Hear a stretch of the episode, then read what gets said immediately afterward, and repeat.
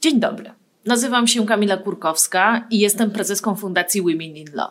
Witam Państwa bardzo serdecznie w podcaście Prawo do Głosu. Do rozmów zapraszam głównie prawniczki, choć nie tylko.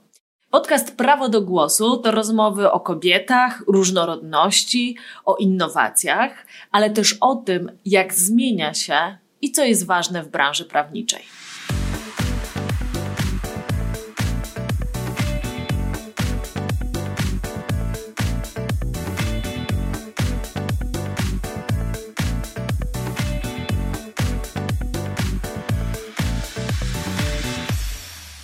Dobry, witam Państwa serdecznie. Ja się nazywam Kamila Kurkowska i dzisiaj mamy specjalnego gościa, panią profesor Małgorzatę Fuszarę, badaczkę e, w zakresie socjologii, socjologii prawa, profesorkę na Uniwersytecie Warszawskim i ekspertkę z zakresu gender studies. Witam. Dzień dobry pani profesor. E, ma pani bardzo ciekawą historię e, zawodową i naukową. Jakby się Pani mogła z nami podzielić, jakie były Pani największe wyzwania i największe trudności? No właśnie wspomniała Pani o tej mojej oryginalnej drodze i to jest jedno z wyzwań na pewno, dlatego że ja zawsze uważałam, że najciekawsze rzeczy powstają na skrzyżowaniu różnych dyscyplin. E, kończyłam Wydział Prawa, ale zawsze zastanawiałam się, idąc na studia, czy prawo, czy socjologia. No w związku z tym tak naprawdę w życiu realizuję połączenie tych dwóch dziedzin. No ale zaczęłam od prawa, jestem magistrem, doktorem i doktorem habilitowanym z zakresu nauk prawnych, natomiast profesorką z zakresu nauk humanistycznych. No i specjalizuję się, tak jak pani powiedziała, w socjologii prawa. To są bardzo, no miałam szczęście, dlatego że kiedy ja zaczynałam swoją pracę, socjologia prawa w Europie się zaczyna rozwijać. Profesor Adam Podgórecki, profesor Borucka Arctowa, która notabene jest pierwszą kobietą, która uzyskała tytuł profesora w zakresie nauk prawnych. To były takie czołowe postacie europejskiej socjologii i światowej socjologii prawa. Także w Polsce też była taka przestrzeń na uprawianie tej dziedziny, która mnie bardzo interesowała, bo też trzeba pamiętać, że kiedy ja kończyłam prawo, to były lata 70., nauki prawne to była głównie dogmatyka. Dzisiejsi mhm. studenci, absolwenci prawa już pewnie tego nie rozumieją, ale e, takie empiryczne podejście do prawa, to co mnie naprawdę interesowało, co się dzieje e, z prawem, no to właściwie trzeba było uprawiać w, w socjologii prawa, a nie e, w takich naukach prawnych. Także ja jeszcze jak broniłam swojego doktoratu, a to było o rozwiązywaniu konfliktów w sprawach oskarżenia prywatnego, przy użyciu tej procedury, no to jeszcze jeden z recenzentów mówił, pani tutaj mówi o konfliktach, a przecież tu jeden człowiek przestępstwo popełnił, a drugi jest ofiarą. Także takie podejście socjologiczne do prawa wtedy było pewną nowością. I na pewno mm, y, z tego powodu mogę powiedzieć, że byłam jedną z takich, jedną z grupy pionierek i pionierów, którzy otwierali pewne nowe perspektywy w zakresie nauk prawnych, inne podejście. No a kiedy się coś nowego proponuje, zawsze jest trudno. No i gender studies jest jedną, y, jest kolejnym takim przykładem, ale ja już miałam pewne doświadczenie i wiedziałam, że jeżeli chce się coś robić właśnie na pograniczu nauk, coś nowego, to łatwo nie będzie. I, ale ja lubię trudne wyzwania. Także to jest może jeden, jedna z takich trudności w mojej pracy.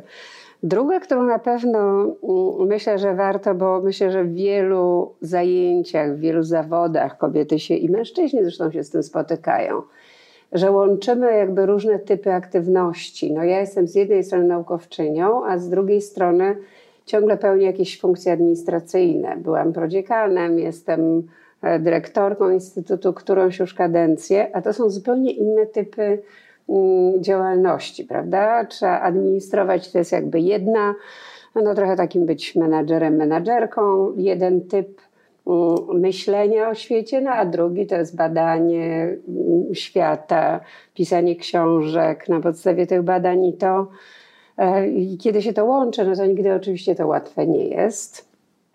No i może taka trzecia rzecz, z którą też wiele kobiet się i, i mężczyzn także spotyka, to jest moment, kiedy zdobywamy pewne nowe szczeble. I to dotyczy mhm. wszystkich oczywiście zawodów, no w nauce to jest takie niesłychanie wymierne, prawda? Bo trzeba obronić doktorat, trzeba zrobić habilitację.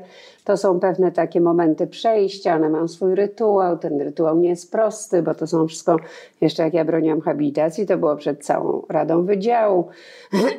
100 osób z Wydziału Prawa, 100 profesorów na sali, no i trzeba że tak powiem, się zaprezentować jako osoba, która już będzie samodzielna w nauce. Zresztą powiem to, bo wydaje mi się to ciekawe w kontekście naszej rozmowy. Jeden z tematów, który ja zaproponowałam wtedy, to były 90. lata, mm, połowa mniej więcej 90. lat, mm, to były prawa kobiet.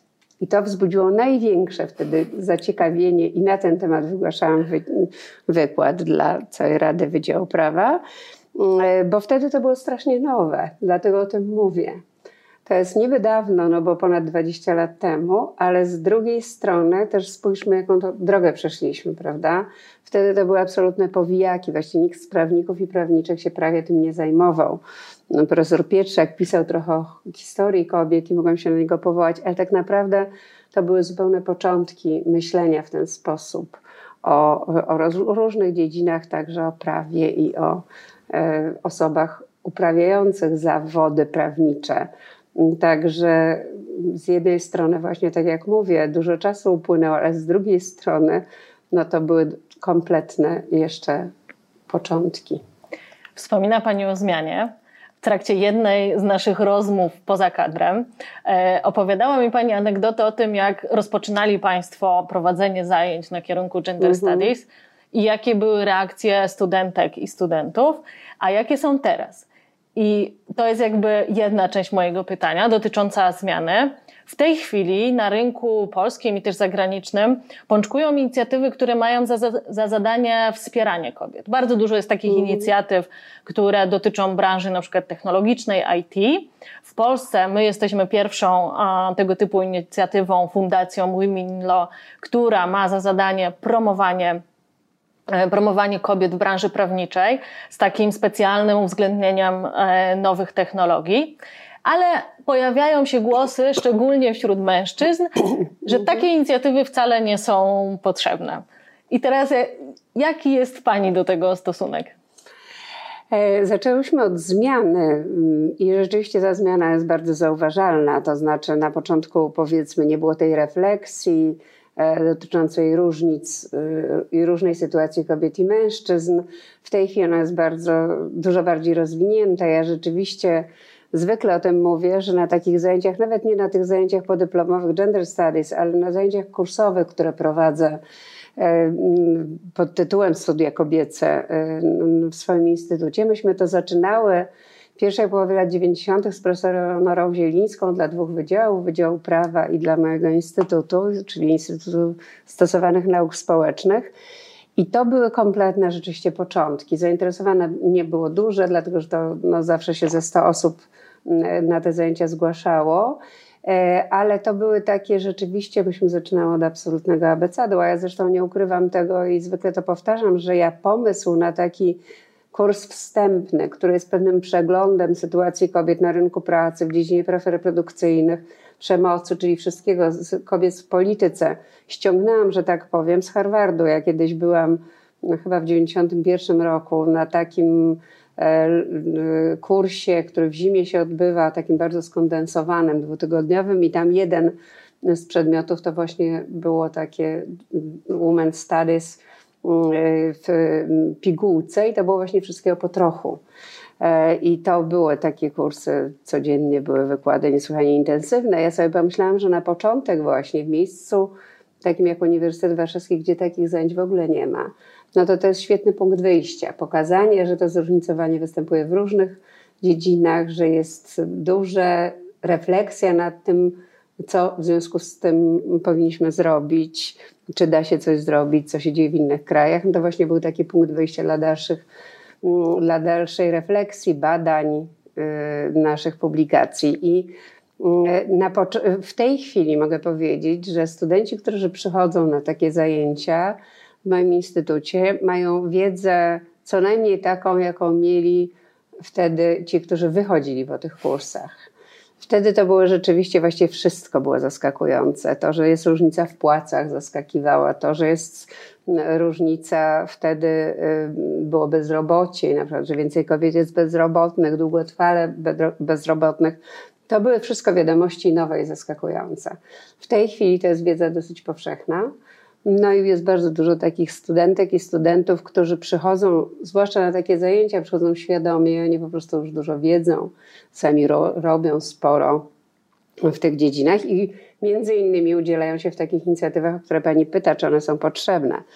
Ja może powiem tak y, i chciałabym to powiedzieć wszystkim, którzy się zastanawiają, dlaczego są te inicjatywy, które wspierają kobiety. W dziedzinie studiów nad męskością powstała taka koncepcja męskiej dywidendy, czy patriarchalnej dywidendy, która mówi tyle, że wszyscy mężczyźni z racji swojej płci, niezależnie od tego, czy są feministami, seksistami, patriarchalny styl życia im odpowiada, e, ale także tym, którzy właśnie sprzyjają równości, na wejściu mają pewną, pewne przywileje z racji mhm. swojej płci. To jest ta patriarchalna dywidenda, która z racji tego, że żyjemy w patriarchalnym społeczeństwie, e, ceni wysoko to, co męskie i w związku z tym to się przenosi jakby na wszystkich mężczyzn. E, w związku z tym jedna z odpowiedzi jest taka, że konieczność wzmacniania inicjatyw kobiet polega na zapobieganiu e, efektowi tej patriarchalnej dywidendy. E, to nie jest tak, że wszyscy startujemy z równego poziomu i tak samo traktowani. Po prostu mężczyźni startują bardzo często z sytuacji uprzywilejowanej. No i stąd te potrzeby wzmacniania rozmaitych inicjatyw kobiet. E, bardzo wiele, w bardzo wielu instytucjach, partiach politycznych, miejscach pracy, na uczelniach e, władzę sprawują mężczyźni. Każdy psycholog społeczny pani powie, że ludzie myśląc o doborze na przykład następnego pracownika, ale także osoby do zarządu, y, automatycznie szukają osób podobnych do siebie. Jeżeli w grupie jest przewaga mężczyzn, w pewnym sensie automatycznie, nieświadomie wybiera się mężczyzn. Po prostu myśli się w takich kategoriach, nie mówiąc o tym, że ma się znajomych wśród tych osób podobnych, zna się ich kompetencje Natomiast tych trochę od nas dalej musimy dopiero poznać. W związku z tym uważam, że takie inicjatywy są konieczne nie dlatego, żeby były jakieś przywileje dla kobiet, tylko dlatego, żeby wyrównywać szanse kobiet i mężczyzn. A w tym kontekście, e, jak Pani ocenia sytuację kobiet w Polsce na rynku pracy? He, może zacznijmy od tego, że w ogóle sytuacja na rynku pracy w Polsce jest o tyle specyficzna, że my mamy jeden z najniższych wskaźników aktywności zawodowej i wśród kobiet, i wśród mężczyzn. I to jest moim zdaniem niesłychana bolączka naszego kraju. Te statystyki są dosyć zatrważające, dlatego że to jest rzeczywiście na tle Europy, my tu wyglądamy bardzo słabo. E, I nie tyle tutaj ta różnica w zatrudnieniu jest e, kobiet i mężczyzn największa, co w ogóle w zatrudnieniu, w aktywności zawodowej mm, społeczeństwa, ale też oczywiście wskaźnik zatrudnienia kobiet w wielu krajach jest znacznie wyższy niż w Polsce. No oczywiście Skandynawia tutaj jest najlepszym takim przykładem, ale y, kiedyś, kiedy to porównywałam, także wyprzedzały nas cały szereg takich krajów jak Bułgaria, no cały szereg krajów, gdzie po prostu te wskaźniki, trochę to jest efekt tego właśnie, że w ogóle wskaźniki zatrudnienia są wyższe, więc i te wskaźniki zatrudnienia kobiet są wyższe. Ale oczywiście to jest y, rzecz, którą na pewno mamy do nadrobienia, dlatego że myślę, że taka aktywność zawodowa, no jest niesłychanie wzbogacająca i, i bardzo jest ciekawa i dla kobiet, i dla mężczyzn. A jak Pani uważa, jakie w tej chwili, przed jakimi największymi wyzwaniami stoją pracodawcy i w sektorze publicznym, i w sektorze prywatnym, tak żeby gdzieś zwiększać tą różnorodność pracowników? Ja kiedyś y, śledziłam trochę to rzeczywiście w Europie i wiem, że na pewno są takie rozwiązania, które zwłaszcza jeżeli jesteśmy w okresie wzrostu, tak jak teraz, mm, warto by było zastosować. To znaczy, to są takie rozwiązania, które specjalnych powołują specjalne mechanizmy na rzecz różnorodności. Ja pamiętam takie y, doświadczenia irlandzkie, na przykład, które o tyle są ciekawe, że to był kraj, który z takiej monokulturowości wszedł w okresie wzrostu w niesłychane e, zróżnicowanie rynku pracy, narodowościowe, pod względem płci, rasy, religii itd. Tak I w związku z tym tam cały szereg przedsiębiorstw, nie tylko takich no, rządowych instytucji, ale różnych, na przykład autobusy miejskie, ale służba zdrowia, szkoły, mają swoich oficerów odpowiedzialnych za sprawy róż, różnorodności. I taka pierwsza mm, e, wskazówka, która płynie z tych doświadczeń, e, myślę, że jest bardzo ciekawa i warta wzięcia pod uwagę, bo ona w zasadzie jest prosta, tylko nie wiem dlaczego o tym zapominamy. To znaczy, trzeba pytać przede wszystkim grupy zainteresowanej o to, co jest dla niej najlepsze. E, I dlaczego to tak podkreślam, chociaż to się wydaje takie proste, że tam dawano cały szereg przykładów, kiedy E, taki oficer do spraw różnorodności wymyślał, jego zdaniem, świetne inicjatywy, które miały właśnie tą różnorodność jakoś tak bezkonfliktowo wmontowywać w całą instytucję. I okazywało się, że ze strony osób, które właśnie tam tych nowo, nowo przybyły, to były y, inicjatywy przeciwskuteczne. I dam taki może prosty przykład, że w jednym z tych przedsiębiorstw wymyślono, że będzie taka mapa, która pokaże skąd do nas teraz ludzie przyjeżdżają, jakie to jest cudowne, że właśnie jesteśmy tacy różnorodni. Natomiast osoby właśnie te, które przyjechały z daleka, zaprotestowały mówiąc pokazujecie dystans. Pokazujecie, że my jesteśmy z daleka, że my nie jesteśmy stąd. W związku z tym E, ja zawsze to, e, pamiętam tą lekcję z tego, zresztą też z całego szeregu badań, na przykład polskich nad mniejszościami narodowościowymi, że jeżeli my należymy do większości, to musimy wykonać wysiłek spojrzenia z punktu widzenia mniejszości. Bo to, co dla większości zwykle jest pewnym indywidualnym przypadkiem, no ktoś komuś powiedział coś złego, no nawet ktoś kogoś uderzył, straszne, my go do sądu podamy, ale to jest incydent z punktu widzenia mniejszości budzi to poczucie zagrożenia, że my jesteśmy atakowani. My wszyscy. Mhm. Dzisiaj to dotknęło mojego kolegę, a jutro dotknie to innych. To jest znak, że, pewna, że grupa nie może czuć się dobrze. I y, myślę, że niezależnie od tego, kto jest w danym miejscu większością, mężczyźni wobec kobiet w jakimś miejscu, osoby, y, Polacy wobec mniejszości narodowych w innym przedsiębiorstwie, prawda? Y, musimy się postarać wczuć w sytuację osób należących do mniejszości, bo tylko wtedy możemy budować takie, taką przyjazną atmosferę, która w miejscu pracy jest przecież warunkiem tego, żebyśmy wszyscy osiągali dobry wynik bo y, przecież o to chodzi, prawda? Pracodawca nie dlatego dba o różnorodność, że jest taka moda, tylko dlatego, że to przynosi lepsze efekty. Na to wskazują wszystkie wyniki badań biznesowych w tej chwili. No więc jeżeli chcemy osiągnąć lepszy efekt, to musimy do tej różnorodności dochodzić tak, żeby ona była nagradzająca dla nas wszystkich, bo tylko wtedy ten wynik będzie tak zgodny z oczekiwaniami. Inaczej będziemy ją budować i dziwić się, że tego efektu nie osiągnęliśmy. No to tak się po prostu nie da. Ja pamiętam też taką, myślę, bardzo ciekawą opowieść. Kiedyś byłam w, na takiej konferencji w Norwegii, krótko po tym, jak Norwegowie wprowadzili zasadę kwotową w zarządach y, przedsiębiorstw. I były kobiety, które na skutek tej kwoty trafiły do zarządów. I one mówiły, jak to wygląda w takiej sytuacji, kiedy jest taki obowiązek, że zarządy na przykład mają no przecież nie chcą, żeby w zarządzie były osoby nieprzygotowane. W związku z tym muszą myśleć, jak przy rekrutacji wewnętrznej przygotować kobiety, i to były ich przykłady, wytypowane drogi karier, zwykle myślano tak o mężczyznach, prawda? No bo kobiety będą miały dzieci, będą miały przerwy w pracy, będą może mniej dyspozycyjne, więc się ich nie brało często pod uwagę przy proponowaniu pewnego, pewnych kursów, pewnego doskonalenia i tak. Natomiast tam wyglądało to tak, no, że typowane już, bo wiadomo było, że będą musiały być e, i kobiety, i mężczyźni. E, proponowano im zestaw taki przygotowujący rozmaitych właśnie i praktyk, kursów i tak dalej. I pytano, co jeszcze chcą, że tak powiem, mieć w swoim e, tym przygotowaniu, żeby uważały, że są dobrze przygotowane do bycia w takim zarządzie. I to się wydaje tak naprawdę proste, kiedy się tego wszystkiego wysłucha i aż dziwne, dlaczego tego nie ma.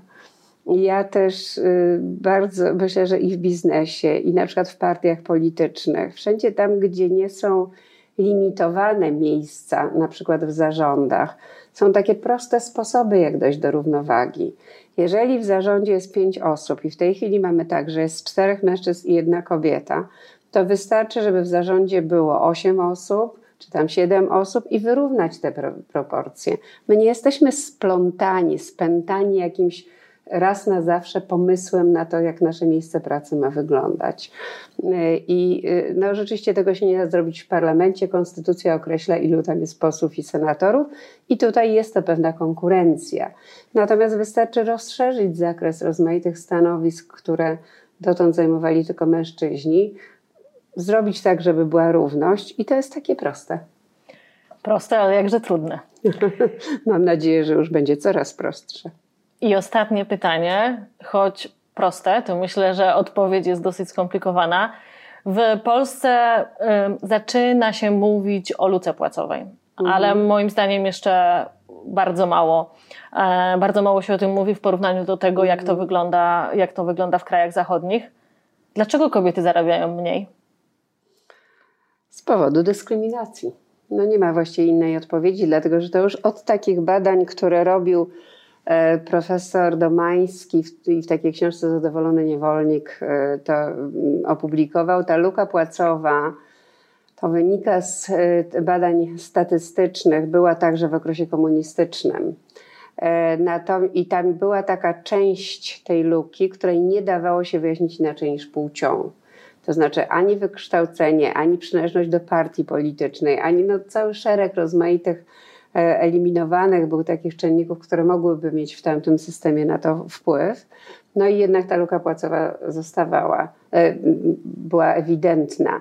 Oczywiście wtedy się o tym nie mówiło. No, teraz powiedzmy się mówi, jest większa tego świadomość, ale e, niewiele się chyba w tej sprawie robi.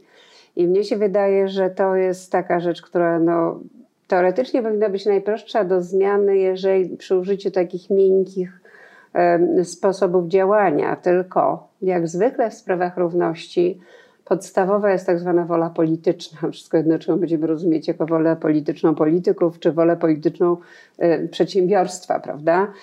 Chodzi tutaj o dobrą wolę po to, żeby lukę płacową znieść.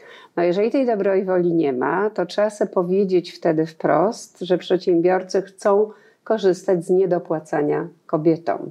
No bo przecież nikt nie powie, że nadpłaca mężczyznom, że płaci za dużo. No i jeżeli płaci się więcej mężczyznom, a mniej kobietom, to znaczy, że po prostu wykorzystuje się fakt, że od zawsze tak było na rynku pracy, że kobiety mniej zarabiały i proponuje im się mniejsze płace. Korzysta się z tego, że mm, kobiety często są w sytuacji trudniejszej na rynku pracy i godzą się w tym sensie na niższe stawki i niższe wynagrodzenie, że boją się utraty pracy. Mm, I to nie jest tak, że się na to godzą, bo to lubią przecież, tylko boją się, że nie będą miały pracy w ogóle wtedy, że pójdzie za nimi fama trudnych pracowniczek, takich, które za bardzo y, o, o to walczą. To zresztą jest taki łatwy do pokazania sposób, mm, w jaki różnie patrzymy na kobiety i mężczyzn. Mężczyzna, który się o swoje upomina, jest zwykle widziany jako ktoś, kto jest energiczny, potrafi o siebie zadbać, domaga się tego, co mu się słusznie należy. Kobieta, która się mm, domaga takich samych, takiego samego traktowania, jest traktowana jako kobieta droszczeniowa, która nie wiadomo czego żąda, która jest trudna w kontakcie, z którą nie warto współpracować. Były takie wywiady z aktorkami, to także polskimi, które mówiły, że E, kiedy mówiły agentkom, żeby żądały tyle, ile mają mężczyźni to za pracę w serialach, to kończyła się rozmowa. Szukano innej kobiety. E, także to są typowe takie przykłady, kiedy powiedzenie, że kobiety dlatego mniej zarabiają, że się na to godzą, jest niesłychanie krzywdzące. Bo to jest jak powiedzenie człowiekowi, którego, e, któremu się nie dopłaca, no sama jesteś sobie winna A rynek pracy tak naprawdę traktuje je tak, że jak za dużo tych chcesz, bo chcesz tyle, ile mężczyzna, to my znajdziemy inną.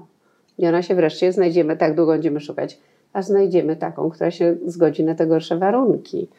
E, także tu niesłychanie jest dla nas dużo do zrobienia i tak jak mówię, kluczowa jest wola, mm, mm, powiedzenie, że naprawdę nam na tym zależy, żeby e, nierówności nie było.